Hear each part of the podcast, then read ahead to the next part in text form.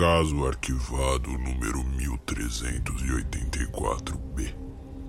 De todos os casos arquivados do departamento, esse é o mais estranho. Eu me chamo William, sou investigador de polícia e estou gravando isso aqui para encaminhar para os federais.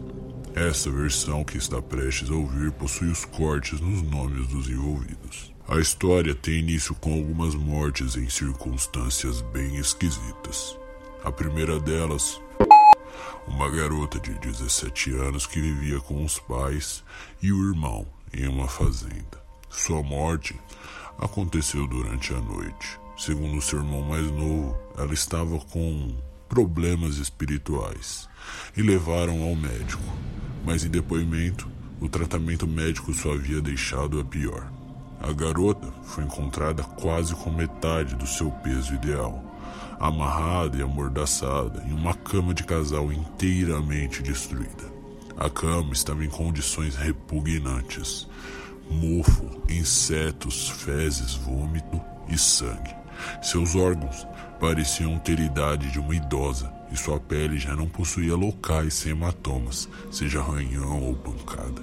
Seus pais foram encontrados no mesmo quarto, mortos. A causa da morte asfixia.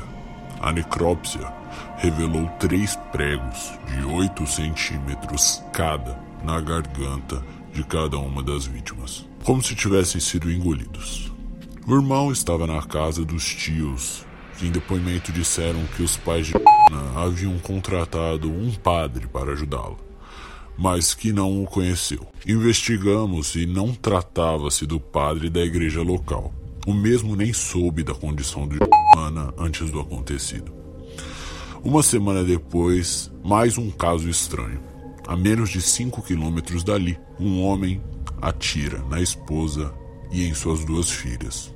Em seguida, se mata. Nenhum antecedente psiquiátrico, sem passagem pela polícia, nenhuma história de violência, não estava em crise financeira, estava bem em seus trabalhos, vizinhos e parentes não relataram nada diferente durante a semana, nada de brigas, gritos, nada. E mais estranho, não se matou com um revólver. Engoliu três pregos e se asfixiou. Nove dias depois, recebo um relatório de necrópsia. Trata-se de uma adolescente que suicidou-se em seu porão. Causa da morte: asfixia. E adivinhe só, engoliu três pregos de 8 centímetros cada. Foi encontrado pelos parentes. Havia uma Bíblia toda rasgada no porão. Os casos aconteceram relativamente próximos, em menos de 17 quilômetros. Nossas pistas eram bastante limitadas e tinha gente no departamento com medo dos casos. Nunca fui religioso, então apenas segui minha razão e algo me incomodava. O tal padre do primeiro caso não foi encontrado não vivia por ali. Perguntamos nas fazendas vizinhas se alguém tinha visto algum padre, algo assim, e ninguém tinha visto. Só o garoto, irmão de. Fizemos mais algumas perguntas e ele disse que era apenas um padre. O menino disse que ele era pálido e esquisito, mas que seus pais confiavam nele. Antes de relatar o último caso, fizemos uma pesquisa minuciosa sobre mortes com pregos e chegamos em um caso de 1830. O padre local, reverendo, foi acusado de pedofilia um dia antes de ser preso. Foi encontrado em seu quarto, asfixiado, com três pregos em sua garganta. Agora passaremos o trecho de uma ligação que chegou semana passada no departamento.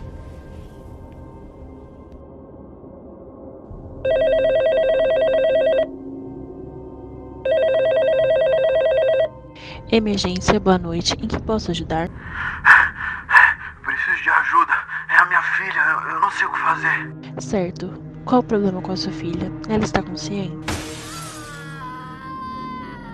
O senhor ainda está na ligação? Está me escutando? Desculpa, desculpa, não desliga, por favor. Eu preciso de uma ambulância, por favor, a polícia, ambulância, por favor. Senhor, preciso entender exatamente o que está acontecendo para enviar as viaturas. Sua filha está consciente? Você está com problemas? Sim, sim, muitos. Ah, ela surtou, ela tá por. Ela, ela teve um surto, ela tá quebrando a casa toda. Eu preciso de ajuda. Ai. Preciso saber exatamente onde você está. Filha, filha, é o papai, filha pregos da mão dela. Por favor, tire esses pregos. Não!